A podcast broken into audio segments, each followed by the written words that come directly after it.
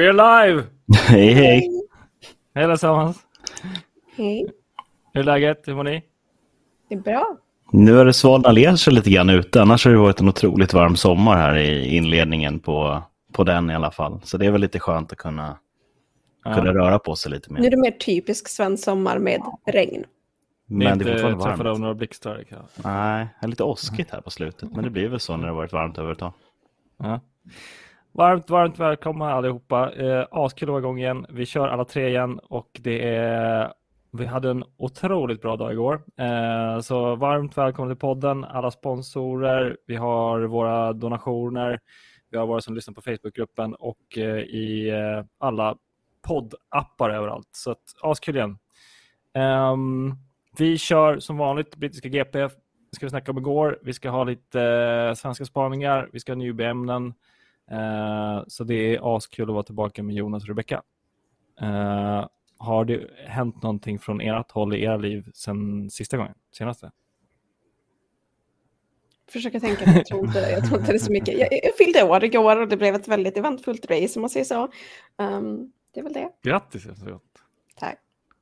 Jag har varit ledig, eller jag är ledig just nu. Mm. Efter eh, en eh, lång vår kan man väl säga. Så det eh, är skönt att kunna slappna av lite grann. Min pappa fyllde 60 och veckan därefter var det midsommar. Så det har varit mycket tid, mycket tid spenderat ute på Ingarö där de bor. Så det har varit väldigt, väldigt mysigt.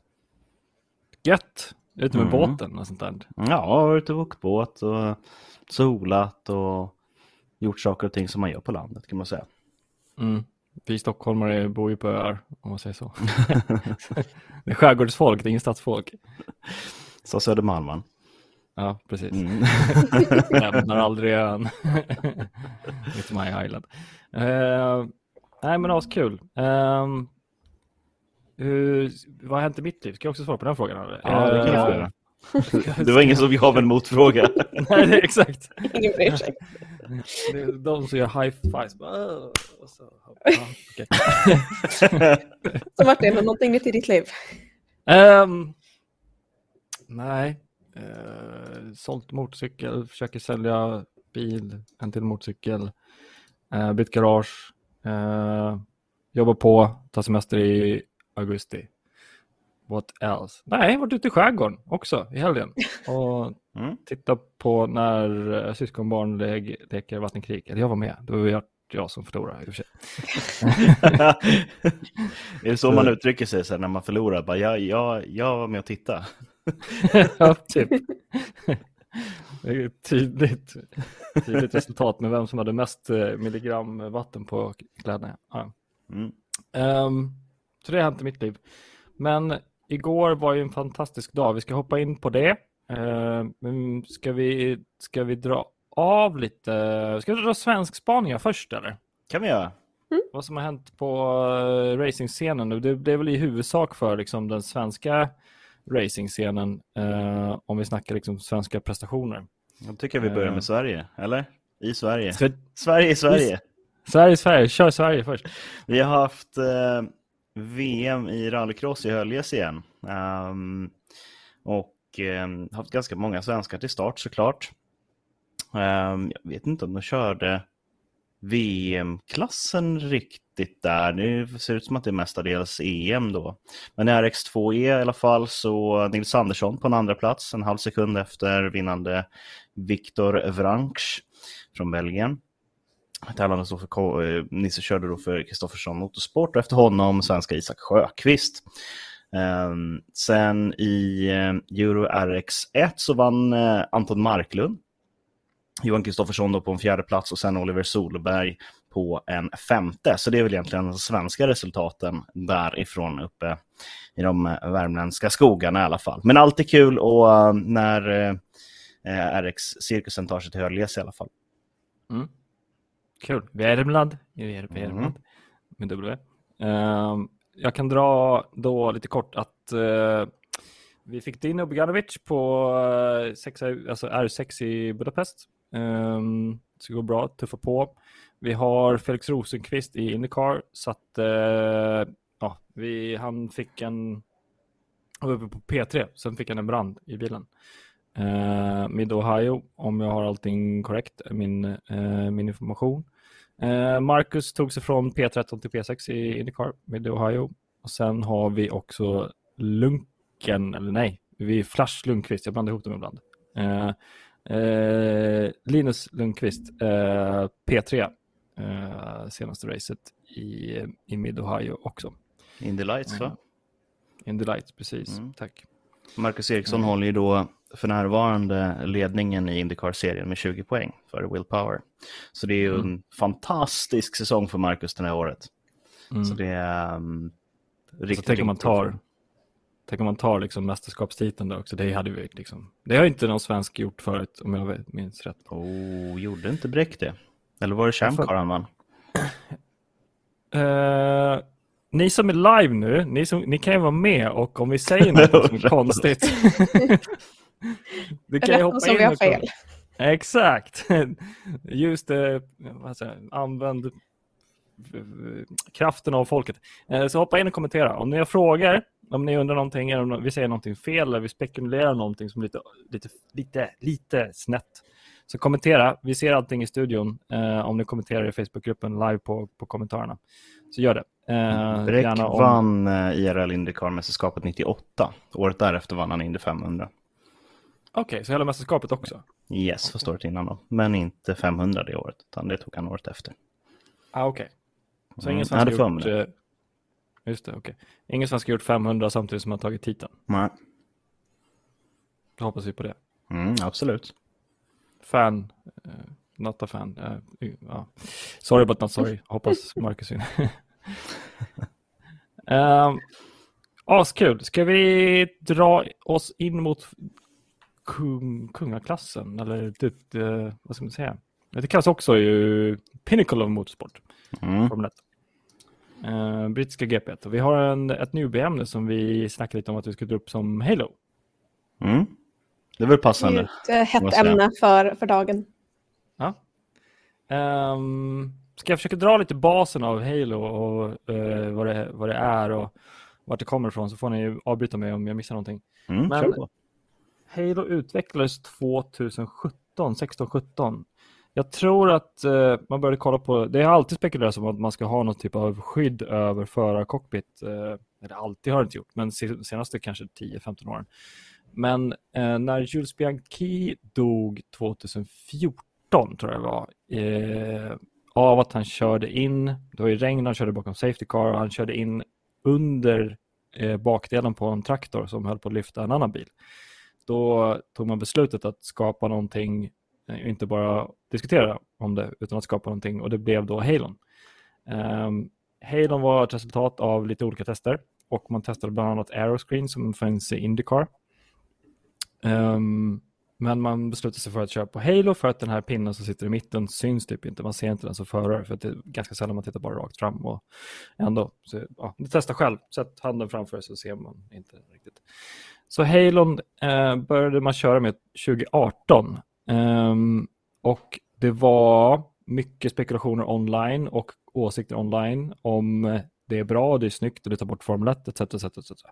Uh, jag ska se om vi kan dra upp en liten, uh, liten research och en kommentar också som vi gjorde 2018 i gruppen.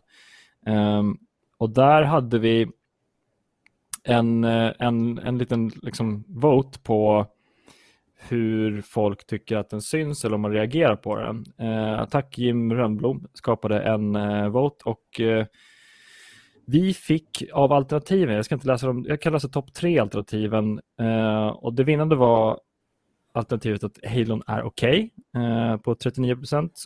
Eh, vi hade 27 procent på Halon är okej okay, men önskar att det hade olika färger så man kan se vem som kör. Ja. Sen så hade 22 procent votade, har aldrig förstått mig varför det är en så debatt om Halon. Um, typ var det så. alternativet att de inte förstått att det är en debatt för att den behövs eller för att de inte förstår varför den behövs? Precis. Jag vet inte faktiskt. Alltså för nu, nu har vi ju ändå sett värdet av Halon. Mm. Flera gånger. Framförallt igår. Mm. Jag tror att man hade ganska många år där dessförinnan där man aldrig riktigt hade den här typen av krascher där den faktiskt eh, behövdes. Men nu under sista åren nu så har vi både haft Grosjeans krasch bland annat. Mm. Eh, vi hade den som vi fick se igår. Och sen är det eh, incidenten mellan eh, Verstappen och Hamilton på Monza, också en sån situation. Förra säsongen, ja. Um, Ja, se- senaste som jag i alla fall kan minnas att jag har sett under den tiden jag kollat på F1 var ju Marcus Eriksson 2018. Um, Mm. För där han, han liksom, han voltade och liksom det var, ja. Den, den behövdes liksom. Och det var, det var en sån grej, alltså det, det är också sånt som visar, både igår men också till exempel Grosjeans, liksom, det visar ändå på hur utvecklingen av bilen hjälper till att se till att vi faktiskt kan få behålla förare i sporten. Um, Jag Mm. vet att jag kommer ihåg när jag kollade på en, um, eh, på en dokumentär um, där det diskuterades just hur mycket förare som faktiskt gått bort under åren. eh, just för att det är en så pass farlig sport. Precis. Det är, här ser vi exemplet på vad Hayden gjorde under Grosjean. Ni som, inte, ni som bara lyssnar på podcast, eh, sorry, sorry guys, men vi kollar lite ibland på bilder. Vi ser en bild på hur eh, vraket ser ut efter Kristians krasch. Och där ser vi att Halon liksom ligger och puttar på en eh, metallbarriär. Som ehm, um, nej, men så det är ju uppenbart att den har uh, uh, slutat, vet du, att den har uh, sparat liv. Um, och det var ju lite läskigt och intressant att se upp och ner bilderna som florerade. Typ under racet kommer det ut någonting. mm. Ehm, på Joe, säger Joe. Ehm, så, nej men det, det är superbra. Alltså, sen börjar jag fundera på om vi alltid kommer att Kommer vi alltid börja prata om Halon så fort den rädd- räddar något liv eller kommer det bli en självklarhet att den så här, eh, jag vet inte om det bara kanske våran generation som växte upp med race, F1-racingen innan det fanns en Halo som kommer att reflektera över att det finns en Halo. Uh, sen så alltså de som börjar kolla på Drive to Survive och i den tidsperioden nu senaste åren så kanske aldrig kommer liksom så här ens fundera om det. Men det är kanske därför det är lite kul att ha ett newbie-ämne. För det kanske inte är riktigt, ja. Uh, det fanns en tid utan Halos. Och då Det- gick det in bra. Nej, nej, men precis. Det det fanns verkligen en tid före Halo, så vi kan prata om det liksom ur säkerhetsperspektiv, men också liksom ur supporterperspektiv. Ehm, för det, att diskutera Halons vara och inte vara, det, det är egentligen någonting för fansen som var med innan den infördes. Alla som har börjat Mm. titta på F1 innan eller efter Halon infördes, börjat följa sporten då, jag tror att många ser det som att det är självklart att den ska vara där. Det är väl så det alltid har varit. På samma sätt som när F1 gick över till att ha vingar på bilarna. Liksom. Det var Mm. självklart att det skulle vara vingar på bilarna, tycker vi nu som har liksom följt den sporten sedan dess. Ehm, och det kommer finnas det när det kommer till Halo. Det kommer också finnas det när det kommer till motorljudet. Jag kommer från tiden då man körde V10 och V8 liksom. Och jag kommer fortsätta gnälla över ljudet på de här bilarna.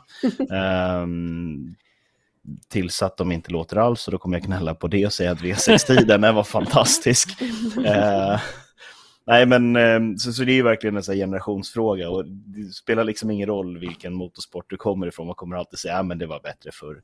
Ehm, Mm. men i det här läget så um, är F1 en säkrare och tack vare att den är säkrare så får vi se en helt annan typ av racing och jag tror inte att man vågar ligga tre i bredd så tajt mot varandra, göra de manövrarna som man gjorde under starten i, igår på Silverstone och Mm. under omstarten eh, heller. Um, jag ska prata mer om det sen, um, Mm. när läge ges. Men eh, racingen blir bättre när bilarna är säkrare för att du vågar göra vissa saker och ting på banan med bilarna som för gemene körkortstagare ser vansinne ut. Mm. Jag tänkte, jag, kan inte jag få kasta in en throw, a spanner in the works? Finns det något svenskt uttryck för det? Kasta in en... eh, kasta lite bränsle i elden. Kan, vi, kan man inte göra en V8 hybridmotor? Jo, absolut. Precis. Men Hur, hur, pass, hur pass nära rör vi oss då gamla karaktärer med motljud? Mm, Ja, men det beror väl lite grann på ehm, hur, huruvida du ska ha turbo i den eller inte. För turbon slår ju sönder rätt så mycket av ljudet eftersom att den plockar upp avgaserna på vägen ut. Ja. Men nog kommer den låta eh, vassare och roligare än de här. Men sen är ju det här väldigt små motorer också. Vi pratar ju, vad är det, 1,6-2 liter 1,6. där någonstans. Mm. Ja. Ehm, så om du någon gång går och tittar på en bil någonstans så är det väl motoralternativ nummer två idag. För att idag har man de här trecylindriga 1,3 liters motorerna som du kan köpa förbränningsbil av idag. Mm. Um, så det är en väldigt, väldigt, väldigt liten motor. Mm. Um, I alla fall när man kost, kost, tittar på slagvolymen. Sen så har ju den ERS-system och liksom alla möjliga olika leksaker i de där för att det ska gå fort. Mm. Men... Um... Det, du som kan mer än mig om motorer, Jonas, nu är det lite off, off topic, men strunt samma. Eh, du som kan mer än mig så har jag läst i olika artiklar att eh, F1-motorn är den mest bränslesnåla motorn som finns om man börjar räkna på eh, alltså inbromsningar och gaspådrag, mm. alltså den här energiförlusten man får via det, utan att man bara kör en eh, marschfart över ett x antal kilometer så har vi eh, nog världens mest bränslesnåla motor. Så att alla ni som är nya i sporten kollar på Formel 1 och så kommer det kommer diskussioner om, eh, om eh, eh, alltså globala uppvärmningen så kan man alltid kommentera det. Att det här är en utvecklingsserie för, för att skapa bränslesnåla motorer som drar ner på bränsle. Eh, så att, är man, tittar man på, jag brukar alltid säga att eh, your attention is the real currency och väljer man att titta på Formel 1 och ökar tittarantalet för att de här företagen och sponsorerna ska bli ännu mer intresserade så kan man faktiskt tänka att man bidrar till eh, miljön genom att titta lite på Formel 1. Långsökt, men ja, Okay. Ja, men jag förstår vad du menar och fått ge lite siffror på saker och ting. Så um, när jag var 12-13 år fick jag en bok av min pappa som handlade om förbränningsmotorer för att lära mig att du kommer snart börja köra moped och då ska du lära dig hur en moppemotor fungerar. Och då pratar man om att förbränningsmotorn, det vill säga en ottomotor med en koll som går upp och ner, upp och ner med vevstake och vevaxel och så vidare, har en um, verkningsgrad på mellan 18 och 26 procent. Mm. Och den här boken är ganska gammal. Um, för ungefär åtta år sedan när man började, strax innan man införde den nya bilen, så hade man en verkningsgrad på runt 50 procent i F1. Mm. Och om jag inte missminner mig så har man klivit över 70 procent verkningsgrad idag. Och med det som menas då, alltså energin som du för in i motorn. Hur mycket av den energin kan du göra om till rörelseenergi? Och där ligger vi ungefär på mellan 50 och 70 procent idag i F1. En elmotor har 100 procent eftersom att jag är nära 100 procent i alla fall någonstans mellan 95 och 100 för att elen går över till eh, till elmotorn och den har otroligt hög verkningsgrad och det är därför man investerar så väldigt mycket i elmotorer idag. Um, där kan man då köra in bränslet i oljekraftverk och naturgaskraftverk och sådana saker för att få ut ren el och så kör man bilarna på det och så får du över hela förloppet en, en högre verkningsgrad och mindre miljöpåverkan. Mm. Um, det, är ett utvecklat svar på, på, frågan varför ställer man om väldigt mycket till el idag? Varför ska bilarna gå på el? Ja, men det är bra för mm. miljön. Men varför är det bra för miljön? Jo, för att de har högre verkningsgrad. Men det här är mm. också så här, om vi tittar då tillbaka på 90-80-talet så hade bilarna en verkningsgrad på 20 procent, vilket innebär att det inte är så bra för miljön. Men idag så har du en möjlighet med förbränningsmotorn att ha någonstans runt 70 procent verkningsgrad i de bilarna. Um, så det, och det är den utvecklingen som um, har, eh, som har skett eh, med de här motorerna, mycket tack vare Formel 1. Mm. det här är ännu mer off topic, ursäkta att jag tar oss ännu mer off topic. men men eh, när du nämner trimma mopeder och när du nämner verkningsgrader så lyssnade jag på Christian von Koenigsegs sommarprat igår. Mm. Det är en stark rekommendation. Eh, apropå att eh, bli begeistrad över ny teknik och vad som händer med verkningsgrader och hur man Alltså han är ju kungen av Djursholms moppetrimmare, eh, Christian von Koenigsegg. Det är så han startar sin liksom, ja, testkarriär. Men, eh, så den ska man lyssna på. Eh, och, eh, tyvärr nämner han lite i podden där att hans framtidsutsikter med eh, Koenigsegg är ju mer åt att bygga plattformar och kunna sälja olika komponenter till andra delar. Så det kanske är möjligt att vi kanske, för att väva ihop det här, det är som mm. jazz, man börjar sväva ut och börjar och så kommer tillbaka till formen. eh, så von Koenigsegs, eh, Koenigsegs motorkomponenter hoppas vi kanske se i Formel 1, men att eh, just få ett eget Formel 1-stall, who knows. Um, så det tycker jag är, det är en varm rekommendation. Lyssna på Christian von Koenigsegg om ni är allmänt motorintresserade. Härlig mm. kille. Ska vi ta oss in... Halon, ja. ja. Tillbaka till Halon. Det känns det som att vi har köttat... kötta... Annars, annars blir det inte så mycket... Det, det är väl en Halo, en Halo. Den räddar Mm. liv. That's it. det, är inte så mycket intressant, intressant än så. Liksom. Mm. Ehm, Ska vi prata lite race? race? Brittiska. Ja. Ska vi, vi har lite flaggor att dela ut. Ska vi dra några generella kommentarer på racet eller ska vi rea- reagera på det först? Vad tycker du Rebecka? Alltså, jag tycker det var, ju, det var mycket liksom spänningsmoment jämfört med kanske tidigare liksom race som har varit under säsongen. Eh, det, liksom, det som har hänt tidigare i säsongen har varit att liksom någon, har, någon har gjort ett misstag och sen så har det lett till att liksom, vi har en viss vinnare. Här känns det mer som att det har varit en liksom, jämn fight, om man säger så. Alltså det var vid något tillfälle vi hade båda Ferrari och båda Red Bull-bilarna i fyra i rad. Och det är, liksom, det, det, det, det är sådana här stunder som man som fan bara sitter och bara yes, det är det här jag vill ha. Och där vi också vet att, som sagt om man går tillbaka till typ Halo, att de här liksom, eh, förändringarna som vi haft inom sporten har gjort det till, säk till säkrare liksom, till en säkrare sport och då gör också att vi får de här stunderna där vi faktiskt ser fyra bilar i bredd, vilket är, liksom- ja, det är, så det var ju väldigt, på så sätt känner jag att man fick mer, mer värde eh, i racet igår. Um, sen så var det ju lite så här, det, det är ju lite intressant också att se när man har en kvalificering som är baserad på våta förhållanden och sen så har du liksom ett race som är under torra förhållanden. Till skillnad från typ eh, Monaco där vi hade tvärtom. Um, och det, är- det är kul att se liksom också hur, hur förändringen i kvalificeringen leder till att racet blir annorlunda. Um, och ja, alltså all in all mycket, mycket bra race och eh, även fast det var lite tråkigt med liksom kraschen så är det ju ändå tacksamt att som sagt alla som hade en olycka under gårdagen kunde få gå därifrån helskinnade. Mm. Väl sammanfattat. Mm. Vad tycker du Jonas? Har du några... Några inputs om racet? Nej, men det här var väl ett av de bästa F1-racen som har varit på, på väldigt länge, tycker jag. Eller ja, inte på väldigt länge, men just nu så, så duggar det tätt med väldigt, väldigt bra racing. Ehm, det är förra säsongen, den här säsongen också. Och eh, det kanske skulle vara på sin plats, Martin, att, man, att lägga upp en, en liten omröstning. Vilket race var det bästa den här säsongen? Ehm, och sen så efter varje race, var det här bättre än det bästa racet? Så Facebookgruppen får bestämma vilket race som faktiskt var bäst.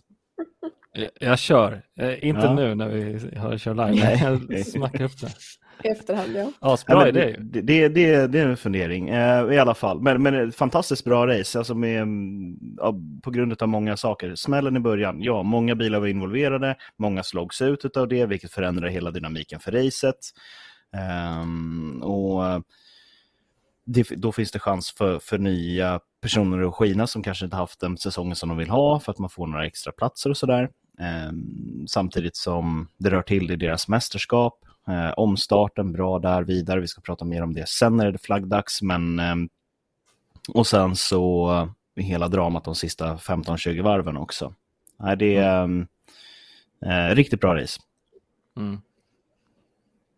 Ehm, min generella kommentar är att jag tycker jag tycker eh, racet var bra eh, fram till eh, sista säkerhetsbilen. Alltså, det var ju s- 2021 års nivå av bra eh, och sen blev det skitbra eh, sista 12 varven. Så att jag tycker inte hela racet var smack on glory. Uh, det måste jag säga. Jag är, alla... Ehm, ja, nej, jag är lite försiktig med att döma, ge en fem stjärnor, fem, fem, fem stjärnor till det här racet. Jag skulle ge fyra. Eh, för att det var... Sen så absolut. Sen så kan man ju alltid diskutera om, om kraschen första kurvan var, var underhållande eller inte underhållande. Så jag blir så kluven till sådana här saker. Det är klart att det, händer, det är roligt när det händer saker. Men samtidigt är det lite tråkigt att det händer så pass eh, allvarliga saker att man till och med studsar över däckbarriärerna. Eh, med det sagt så är jag lite kluven till första, första fyra av fem delar av racet. Ja, första, första, första delen innan sista sa- safety car. Men bra race. Det, vi ska snacka mer om det där med de sista tolv eh, varven och sånt där. Eh, Många reaktioner. Vi, in på flaggor, eller hur? Vi har, Mm, let's go. varför, ska, varför ska vi hålla på och vänta på det? Eh, Vem vill börja? Jag kan köra, ska vi, vilken ända ska vi börja i? Ska vi börja med gröna eller röda? Jag tycker vi börjar med bad news first, röda va? Ja, röda. Ja. Ja. jag har bara en röd flagg och det är ju Leclerc. Um, Mm. Alltså, jag förstår ändå beslutet att liksom, de kan inte ta in båda förarna samtidigt, men att liksom Leclerc stannade ute, Sainz, Hamilton och Perez gick in i depå.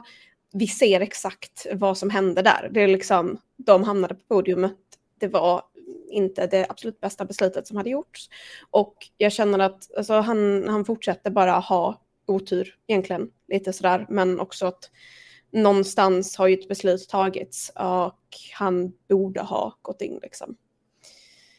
Så det, ehm, äh, nej, det var inte jättebra jobbat. Äh, inte jättebra presterat för, för Ferraris del och inte jättebra för hans äh, mästerskap heller. För jag tror, jag vill minnas att äh, Perez gick om honom, eller om han redan var om i förra mästerskapet.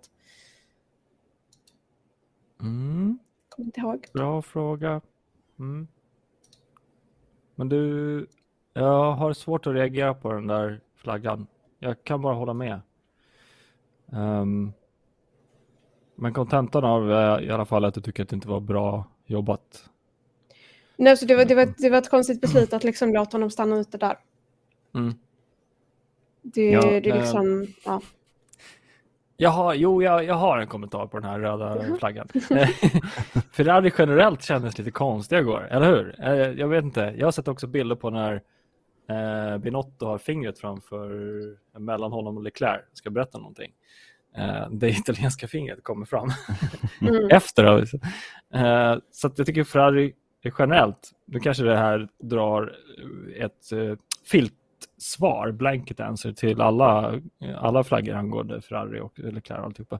Men eh, det var lite märkliga agerande i, igår från dem. Och apropå eh, radiokommunikationen till Science. Inte, inte helt glad på det. Det är min kommentar på din flagga. Jag har en hel Ferrari-krönika på gång här, men vi ska vänta lite grann med den. Följt avbrott med något annat istället. Ja, nej, men vi, jag, jag kan gå igenom mina röda och eh, Mm. Haas, de kvalar inte så bra. Ehm, och de ska få röd flagga för det. Det har gått fort tidigare i säsongen. Um, har väl ingen vidare analys på varför, men det är tråkigt för dem att de inte klarar av det blöta på det sättet.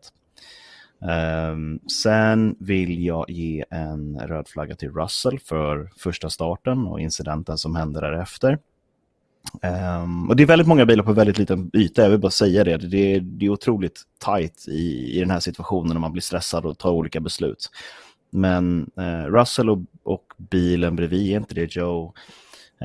Um, de kommer inte iväg lika bra som bilarna bakom. De får en bil som raketar emellan dem och kommer förbi, så då är vi tre i bredd. Och sen helt plötsligt så um, är de här bilarna inte två i bredd längre, utan det kommer en, en bil på insidan till då. Ehm, eller emellan de här två bilarna. Eh, och Russell svarar med att göra en rött på ratten och eh, sandwichar bilen emellan. Då. Ehm, och mm, det är självklart att när du inte kommer iväg tillräckligt bra och du tappar en bil på insidan ehm, så är det klart att du vill ehm, försvara och stoppa läckan och liksom sådär. Men man kan kräva väldigt mycket av racerförare, man kan krä- kräva väldigt mycket av racerförare ute på, på banan också, men att kräva att en racerförare ska bromsa på en raksträcka, det är att kräva för mycket. Ehm, och det kommer liksom inte hända. Ehm, och det är bara att titta på Fettels agerande i starten också. Bilarna framför honom tvärnitar, han hinner inte få stopp på bilen. Ehm, så, alltså, men den mänskliga reaktionsförmågan är inte tillräckligt snabb för att agera så pass fort för att okej, ska jag först, det första du gör är att du reaktivt släpper av gaspedalen. Sen krävs det 1001, 1002, inte riktigt kanske, innan du bestämmer dig för att verkligen stå på bromsen.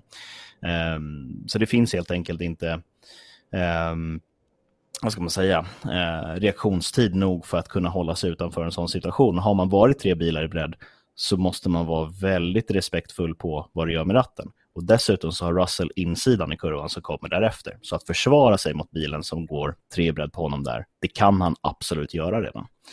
Mm. Ehm, men ehm, för min del när jag tittar på hans agerande, vad som händer i den situationen, så agerar han i panik. Um, mm. Och då händer det som händer. Um, men det ska han ha röd flagga för. Sen, ja. sen, kan man ju ge honom liten eloge i alla fall för liksom, agerandet efter incidenten. Ja, absolut, ja. absolut. Jag måste, det, alltså, har ni sett bilder som har dykt upp nu online? Så här, Russell hoppar ut och så gör ja. man när man kollar på efter en förare som har kraschat. Och sen så jämförelsebilder med när Max Verstappen går förbi Hamilton på Monza. Men det, jag bara, det går inte att jämföra. Men hallå, hallå, hallå, spola tillbaka bandet ännu mer. Vad gjorde Russell mot Bottas? Ja, på Imola. Gick fram, och, gick fram och kände på hjälmen. Ja, kolla, frågan vad han håller på med liksom. Så jag tror att han har kanske lärt sig av erfarenheten där. Kanske det. Ja. Jag tror han kände sig delaktig i hans uh, utkörning där igår. Men, men... Men, men, samtidigt om du kollar på, jag, jag för mig att Max sa att han såg att Hamilton liksom var... Precis, that's my point. Ja, men, men ja, man, man, kan dividera om det, men jag tycker bara det var så här, just det här, det, det in, liksom initiella, man ser hur, hur en av stewardsen springer liksom efter Russell och Russell bara vänder om och springer mot Chew. Liksom. Ja. Det går inte att jämföra. Alltså det är som postar de här bilderna och försöker jämföra incidenten med Max Verstappen och eh, Russell. Det går inte. Det är olika. Man ser ju, Max ser ju att han sitter och gasar i bilen. Då är det klart att... Ja. Ah, ja. Eh, det var någonting du sa som jag tänkte reagera på. Eh, nej, kom till det sen. Kanske glömde bort det. Mm. Um, lite fler röda flaggor? Jag har en. Ska jag dra den? Mm, absolut. Eh, det är Alfa Tauri-förarna Gasly och Tsunoda. Um, varv 10 så ligger de två herrarna eh, 7 och 8. Men de ska fasen köra ihop sig och hålla på och brottas och bråka när de har ett otroligt bra race framför sig. Och så vad händer? Jo, de, de, eh, det sågs inte i, i liven tror jag, i, på sändningen. Men de hamnar 14 och 16 plats eh, på varv 11. Så de tappar liksom så här 5-7 positioner båda två för att de håller på att battlas. Och det tycker jag är så otroligt oprofessionellt ur eh, Gasly och Sunodas eh, ståndpunkt. Att så här, ni har ju superbra, ni har till och med kvalat bra, det har gått bra, eh, kvalat okej okay, i alla fall liksom. Eh, och bra start liksom, jag tror Sunoda plockar sig upp till en tre sjunde plats. Han startade typ 13 eller någonting. Superbra start liksom, eller start och start, det var ju varv fyra. Eh, efter omstart och alltihopa, debaclet. Men så, superbra kört. Sen ska de hålla på och fightas och liksom tävla som vem som är första förare.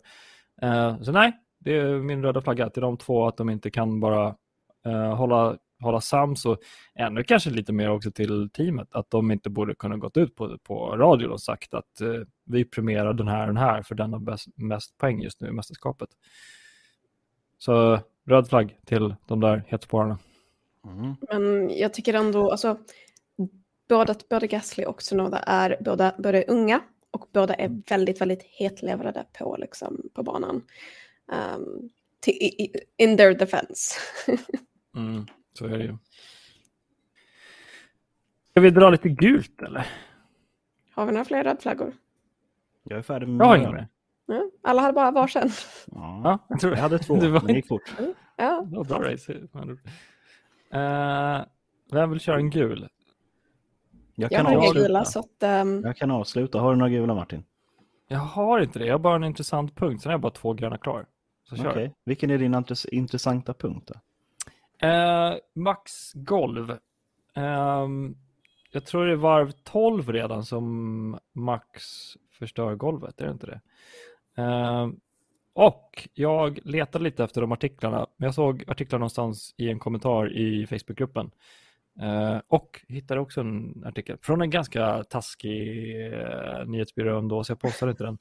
Men det finns uh, lite smårykten om att FIA anser att golvet hos Ferrari och Red Bull flexar lite för mycket. Mm -hmm.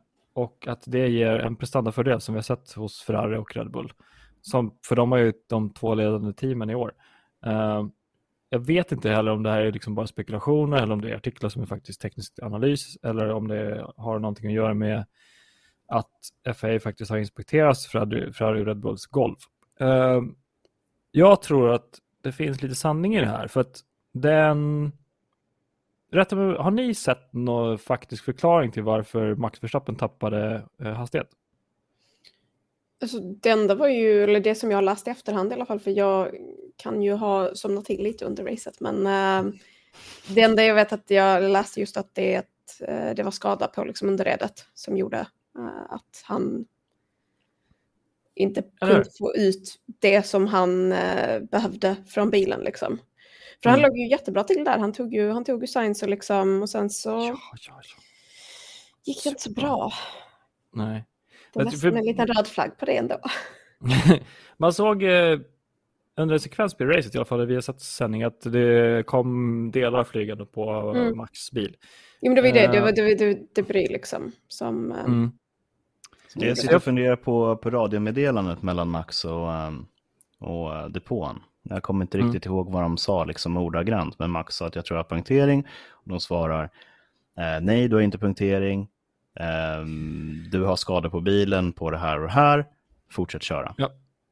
Ja, och Max dök, dök, dök in i depån och bytte däck. Uh, mm. För att de, de trodde att det var däcksproblem. Och det har ju också att göra med uh, bilens höjd mot uh, marken. Jag menar om du har punktering så, så märks ju det. Mm. Så jag gick in och bytte och sen så kom de ut och sen, sen som du säger så minns jag att de sa att det är ett annat mekaniskt problem. Tror jag de sa. Något sånt där. Ja, det um, vet jag inte, men det, det, det är någonting annorlunda som, som pekar lite grann åt att det är body damage eller något sånt. Ja, just det, bodywork, ja exakt. Ja. Mm. Så därför tyckte jag det är intressant med, det är min intressanta punkt, det är inte en, det är inte en gul flagg, men en intressant, intressant punkt, eller gul flagg, jag vet inte. Men eh, deras golv, Red Bulls mm. golv, eh, är det då, finns det någon sanning i det, att om det blir så pass skadat, att det, eller var det en vanlig skada som gjorde att golvet bara, det kan ju hända att det är lagligt ändå.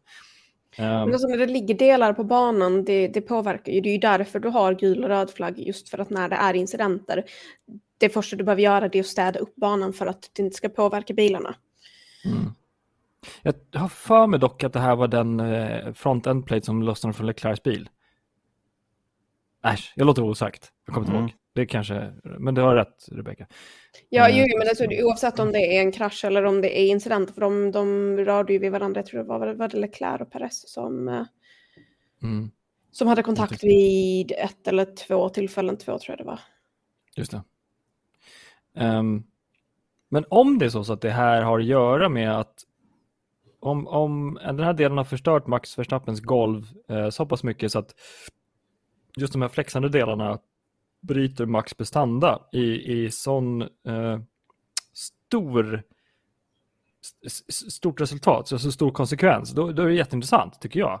Och, och, och jag skulle jättegärna vilja ha något, så ni som har sett eller hört någonting om det här, eh, posta gärna i Facebookgruppen om ni sett några artiklar eller bilder eller någonting om, om Max under eller bodywork, om det här är faktiskt någonting som skapade alltihopa. Han låg ju fightades med, eh, vad var det, på sista, sista varven, typ. Eh, och det är Schumacher? Schumacher, just det. Ja. Det, det var en bra fight sista två varven. Uh, så ja, det, den kan vi också snacka om. Apropå fighter sista tolv varven. Men uh, ja, det är min intressanta punkt. Så jag, känner mig klar med Men jag den. menar, jag kommer inte ihåg vilket race det var, men det var ju något race där Max saknade i princip hela sidan av sin bil. Uh, och lyckades ta, ändå ta poäng. Så att mm. han har ju en vana av att i alla fall få bilen i mål så länge det inte är någonting som fallerar totalt. Liksom. Mm. Um, så det är, ändå, det är ändå skönt att se att han faktiskt kan, även fast han förlorar kraften, så har han fortfarande liksom, talangen där att liksom hålla bilen igång och få den i mål och kunna ta sig in bland poängen ändå. Mm. För menar, du, har ju for, du har ju ändå förare med fullt fungerande bilar som inte lyckas få poäng. Så att... ja. Kudos till Max där, för att jag tror att vissa andra förare, eh, typ vissa adlade förare kanske hade skrikit lite på radion där att varför fightas vi om eh, de här åttonde, nionde, tionde positionerna ska vi bara spara bilen istället? Mm. Eh, jag tror faktiskt att vissa andra förare hade liksom kastat ut det på radion bara, men okej, okay, vi kommer inte ta poäng, typ. Sen den besvikelsen i bilen hade inte Max. Och det är kul till honom att han bara, vi racear på liksom. Uh, så det är kul att höra. Man vet aldrig vad som på, händer. på något sätt är det ändå, det är ändå också lite kul att se ett race där liksom Max är involverad men inte en del av den här uh, podiumfighten. Mm, För det är vi så vana med att han antingen är han inte på banan eller är han på banan så är han där framme. Tillförlitlighetsdiskussionen dyker upp som ett spöke. Mm. Nej men eh, golvet är ju, nu har man ju byggt bilar med markeffekt. Så golvet är väl, mm, jag jag sticker ut haken och säger den viktigaste aerodynamiska eh, delen av bilen. Mm. Kör bort en framvinge, kör av en bakvinge men slå fan inte sönder golvet. Mm. Ehm, så mycket Eller- gör uh, underdelen av bilen eh, och luftströmmarna kring där. Så det behöver inte ha någonting att göra med att det är någon speciell fördel med golvet, utan det är bara att det är skador på det som Mm. kan göra att det går så pass mycket långsammare. Alltså Max eh, front end plate, visst heter de så? Så, de som ser ut så. Eh, på vingarna, framvingen. Mm. Heter front end plate. Ah, skitsamma. De vertikala som sticker upp på uh, utsida av framvingen. Han körde ju som en gud utan en av dem, den. det var ju typ Mm. halva racet. Så att det talar ju väldigt mycket för att det, det du säger är sant Jonas, att en framvinge spelar inte så mycket stor roll i år liksom jämfört med i fjol.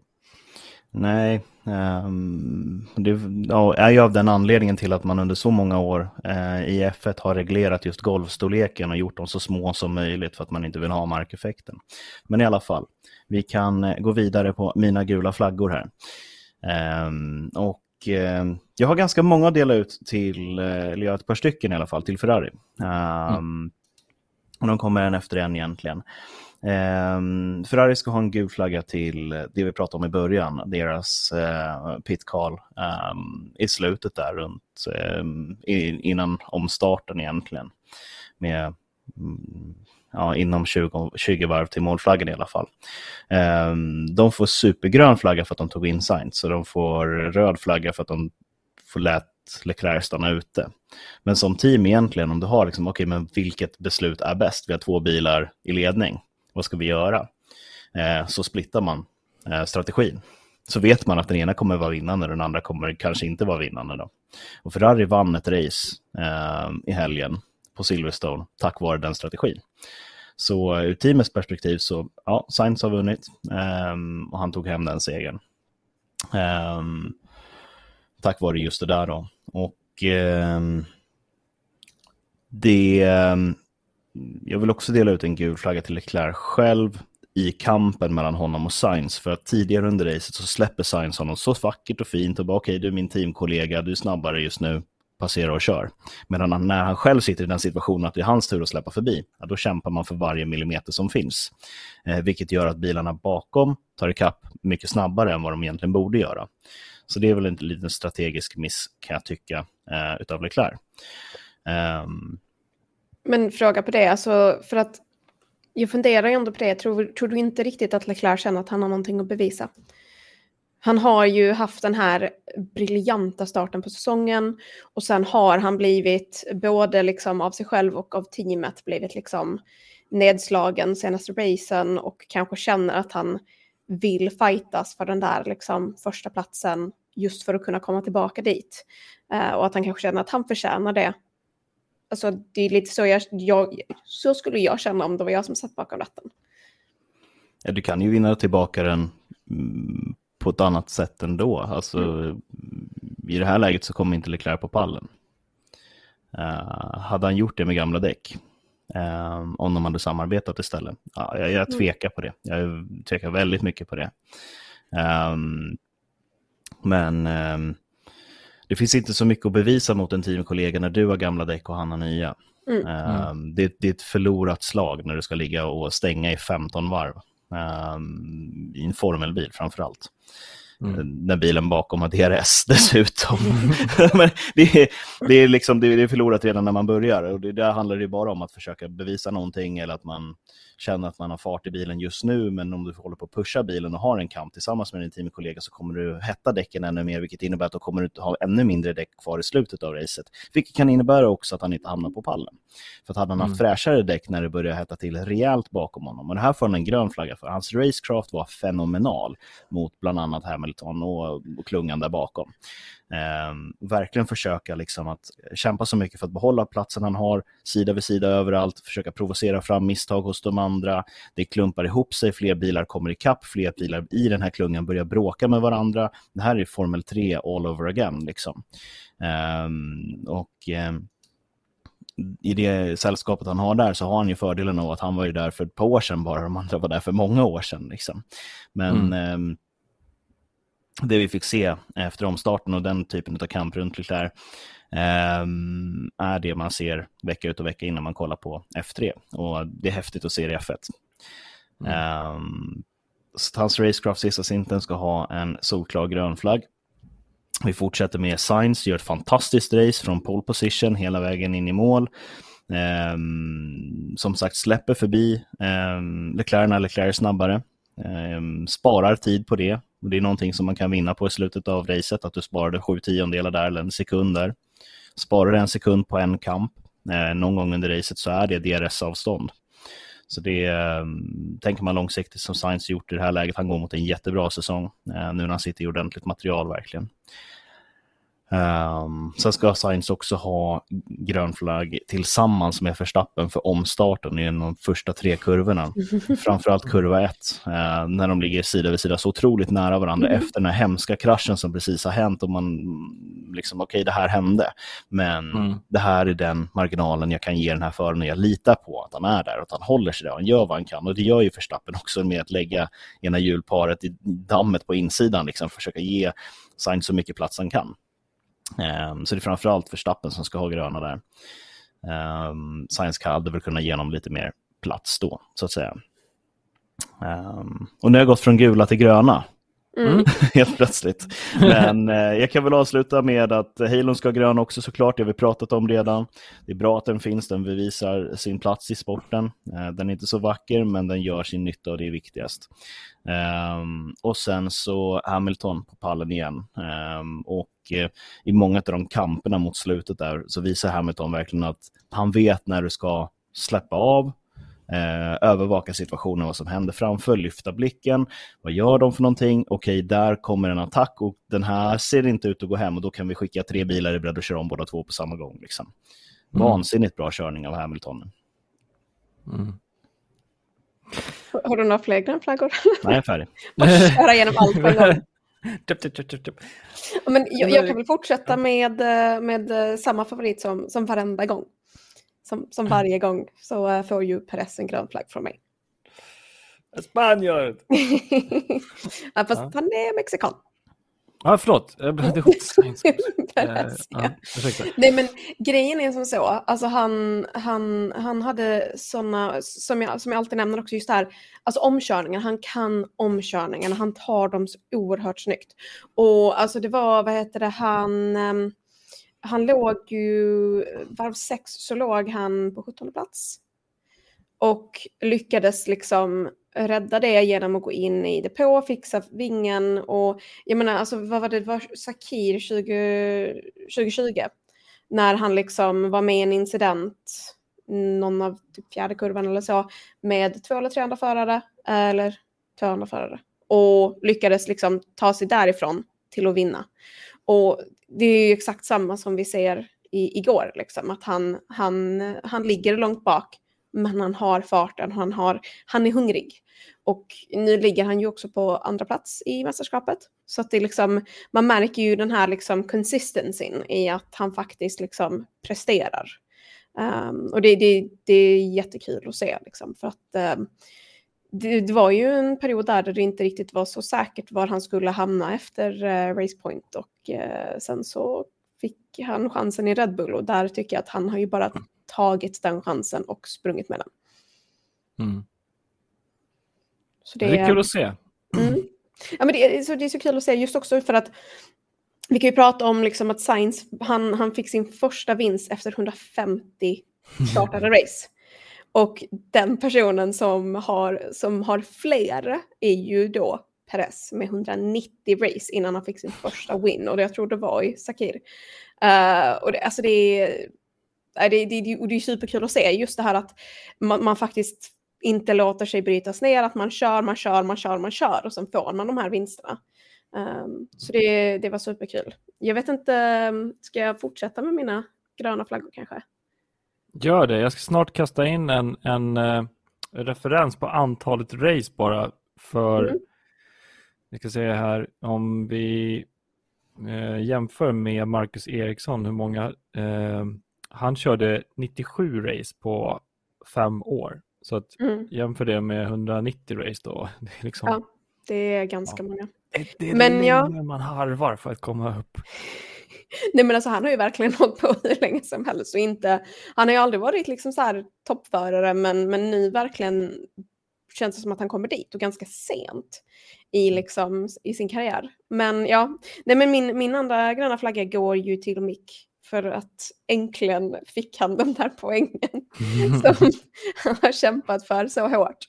Uh, och förhoppningsvis så blir ju, blir ju Steiner glad av det här också. Uh, så att han inte, liksom, för han, tidigare var det ju så att han har fått varning liksom, för att han är lite för um, oförsiktig när han racear och kraschar.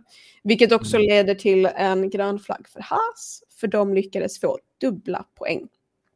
Och uh, det är ändå liksom det är, ändå, det är ändå så kul för de, de, är hela, de, de är ju den här underdogen och har liksom fått väldigt mycket otur och har vänt fram och tillbaka och ja, looked like a bunch of wankers. Men uh, nu så um, är det ju verkligen så här, uh, ja, men, och det, det, det, är också lite, alltså historiskt sett, Schumacher, liksom, att uh, man får se liksom sonen stiga in i liksom pappas skor och ja, Mm. Uh, den, den, den, den tyckte jag var, var fin och man är lite glad för Hass skull där. Det är klart och, man är. Såg ni uh, Mix syrra? Nej. hon sprang runt, jag vet inte om det var champagne, skitsamma. Hon sprang fram med en bubbel och bara sprutade ner Mick när han uh, intervjuades. du är min vinnare, skrek hon och sprang fram och sprutade ner. Ja, vad fint. Jättegulligt. Jag ja. tror det var syrran i alla fall. Jo. Min, eh, min sista gröna flagga går till Hamilton. Han lyckades ta en fastest lap och han lyckades visa att han är tillbaka. Han hade sådana här riktigt, riktigt snygga liksom, stunder där och han, han var verkligen med och kämpade och det känns som att han börjar komma tillbaka mer och mer. Jag tror jag nämnde det redan under förra podden att just det här att man börjar liksom, han börjar ha pacen igen där han inte riktigt har varit. Um, så att det, um, även fast som sagt jag inte är ett Hamilton-fan så är jag glad att se det för att han är en sån kraft inom F1 och han har en sån rå talang. Och han är liksom, alltså jag skulle säga att han, han är ju den bästa föraren på, liksom, på banan just nu. Um, så det, det är skönt att, att han faktiskt får uh, kunna visa det och uh, kunna komma tillbaka på podium. Mm. Snabb reaktion där. Hörde ni Leclerc när han blev intervjuad under kvalet? Så, så ja, Hamilton är ja, åtta, alltså, sju titlar. Han gjorde någon slags Freudian slip där. Eh, så nej, men jag har ju lite flagga som connectar med mm. Hamilton. Mm. Ska jag ta mina? Känner ja, du nöjd? Jag, jag, är, jag är nöjd med mina flaggor. Mm. Eh, min är då till porpoising. Eh, jag tror det var, 40, var 45 jag satt och globlängder med detaljögon på, på förare som körde på rakorna. För det är ganska bra eh, bilder från, eh, från eh, brittiska Grand Prix, Silverstone. Där man ser precis så här ganska bra vinkling framför. Kolla på alla förare. Och det var ingen som jag såg på rakorna som hade porpoising. I alla fall av topp eh, fem. Liksom.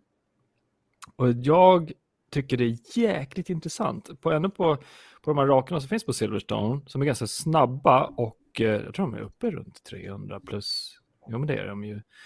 Det, och att det inte finns någon porpoising heller av eh, Mercedes, det tycker jag är förvånande. Och det, det har ju ryktats lite om att Merca har löst de här problemen. Eh, för de hade ju värst problem med porpoising. Och så min flagga generellt är till porpoising att det verkar lö lösa sig eh, för de flesta teamen. Um, och samtidigt som det händer så kraschar George ut sig och Hamilton sätter sig på, på podiet. Det börjar ju liksom, eh, de här ugglorna i mossen och vi har inte ens kört halva, halva säsongen, jag tror det är ett race till, sen har vi kört halva. Uh, så nu börjar det bli lite intressant här. Alltså, Merca har ju aldrig varit bra i början på åren. De har alltid varit sämst eh, tre, alltså typ 1 till 6 race. Men nu är det 11 race va? Eh, på ett helt nytt reglemente. Eh, så när porpoising, sen generellt så är det liksom flaggan gäller porpoising för jag tycker inte det är kul att alla har problem med någonting som man till och med skulle kunna bli skadad av. FAA har ju hoppat in och sagt att, också, att det är en skaderisk. Så att det är inte bara jag som tycker att det är trist med porpoising generellt. Um, så porpoising eh, tycker jag det är jättekul att vi inte såg alls på Silverstone. Det var ingen som kommenterade om det. Ingen, ingen, ingen, ingen vad jag såg eh, av eh, livesändningskommentatorerna, ingen online, ingen någonstans snackade om porpoising i helgen. Eh, så det tycker jag är super, super intressant. Eh, har de då hittat någonting, alla vill säga, eh, har hittat någonting? För det fanns inte ens på Ferrari. Ferrari har också haft det lite. Liksom. Eller är det asfalten? Är det att man kan ha en... Ja, det, om detta må det lärda tvista. Men eh, ja, det tycker jag är askul i alla fall. Om porpoise. Sen, eh, det är väl det och att det leder oss in på liksom ren fight i prestanda istället för ja, bra, bara problematik i, i aerodynamik. Eh, så det är en till grön. Ska jag dra den? Ja, det är det. Ja, det är faktiskt Alonso. Eh, det har ju att göra med, eh, jag tror det var förra racet också, vi såg att han var som en eh, varg. Nej, han sa att han var en, ett lejon. För, uh, defend like a lion. Nej, var, han, ah, ja. Ni fattar referensen. Eh, så att eh, det är till Alonso och det var, har att göra med eh, omstarten att alla fältet trycktes ihop. Men Alonso låg ju faktiskt 0,5 sekunder bakom, alltså 0,5 är typ ingenting. Mm. Eh, best of the rest, och det var ju de fyra, fem stycken eh, eh förarna som fightades sista tolv varven. Och att Alonso låg där och var redo att hugga på Hamilton, tror jag var, under vissa varv. Det var ju askul. Att, eh, sen är han ju grym på omstarter, Alonso. Eh, men vi har ju alpin, alpin slash Renault-bilen som verkligen börjar prestera någonting. I, i liksom, det är inte bara best of the rest, utan det är hugger på the, the top. Liksom. Uh, och det är sabla kul att se att Alonso är där uppe. Uh, det är absolut det mest roligaste just att han, alltså, han var ju retired. Mm. Och nu är han tillbaka och hungrigare än någonsin. Mm. Exakt. Han med, det, det verkar lite som att eh, Alonso och Hamilton är sådana förare som vill ha spetsbilar som ligger, vi snackade om det i förra podden, att man ska ligga på toppen av isberget och, och eh, på knivens spets, kniv, kniväggens spets och balansera. Och det är liksom Alonso och Hamilton som är sådana förare som trivs med det. Och det har väl också att göra med att de har vuxit upp i de här små bilarna som hade V8, V10, V12. Så var mycket mindre och mycket agilare och mycket snabbare att uh, svänga runt, rotera runt sin egen axel. Liksom. Och uh, när man är van som förare vid det och vill ha uh, bilar som ligger på sitt knivens spets så, är väl Alonso och Hamilton lite mer trivsamma i de situationerna reaktioner där på Alonso? Är eh, Hamilton en bättre förare än Alonso?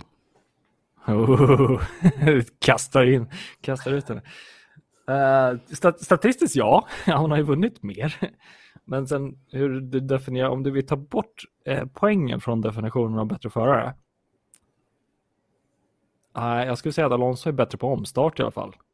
Om det titta definierar... På vilka, titta, Titta på vilka bilar som Alonso har kört och titta på vilka bilar som Hamilton har kört under båda sina karriärer. Mm. Det har jag inte... Så Alonso kört Ferrari när Ferrari var långsamma. Mm. Till exempel. Han har, aldrig kört någon bil som har varit mm, liksom snabb nog för att kunna vinna ett världsmästerskap, förutom i Renault. Mm. Två gånger va? Uh, McLaren körde den också, då var den ganska dålig. Um, sen kommer jag inte ihåg om han startade i Sauber eller hur det var.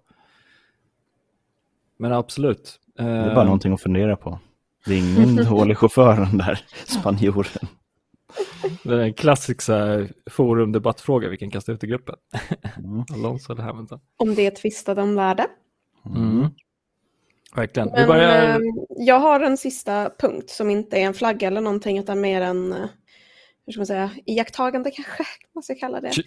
Lite synd. ehm, men ehm, för att alltså Latifi tog sig till Q3.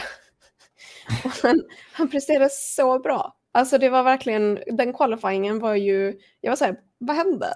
Kan vi prata om det här liksom? Så här. Och sen så, ehm, ja men det är så, det är så synd att det inte, för jag, jag vill minnas att det var att han också hade något problem med underredet uh, och kom in tolva. Och det hade varit så kul att kunna liksom få, få både Latifi som har varit liksom en del av sporten så länge och också för Williams att kunna faktiskt få de där poängen. Liksom. Um, Så det, det hade varit fantastiskt att se, det var någonting som jag hoppades på att få se för att han är ändå väldigt, alltså från vad jag har sett i alla fall intervjuer och så, väldigt ödmjuk förare.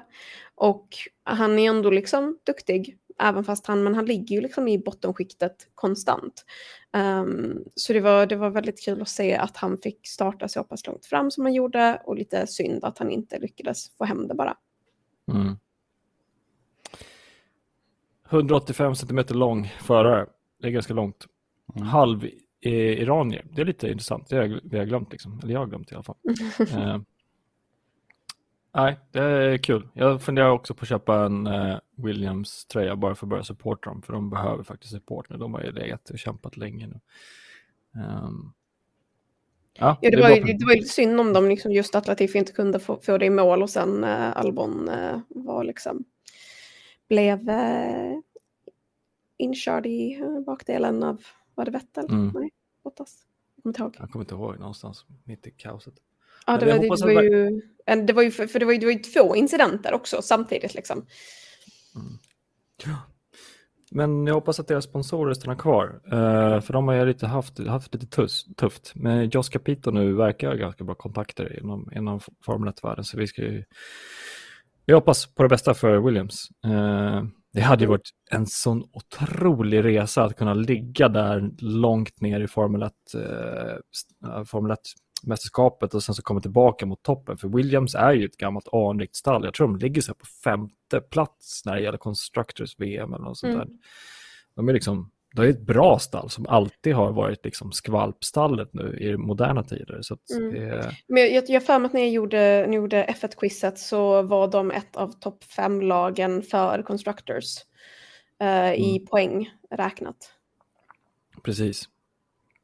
Nej, så vi hoppas på Josh Capito. Jag vet inte om heller, jag har för mig att också Williams är en av de teamen som kommer få mest eh, aerodynamiktimmar inför 2023.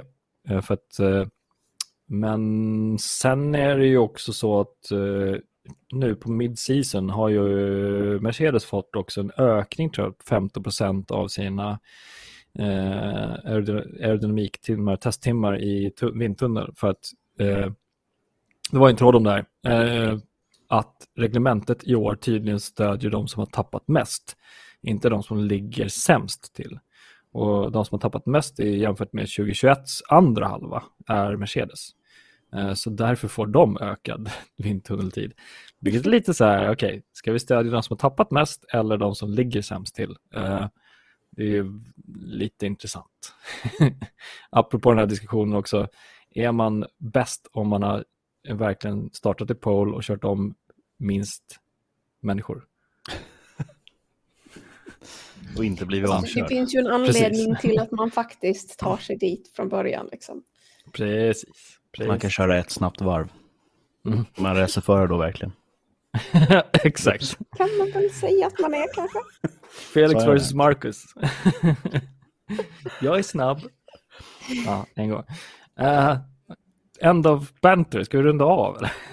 Ja, det, det kan vi nog göra. Det var, det var ett eventfullt race var det. Mm. Ja, bra. Mycket underhållande. Mer sånt, tack. Mer... eh, men varför blir det spännande när alltid det kommer en krasch senaste 12 varvet? Abu Dhabi 2021 december. ja, det... Mm. Ja, anyways. Okej. Eh, ska vi tacka för ikväll? Det tycker Ja. jag. När, eh, när, är det, när är nästa gång?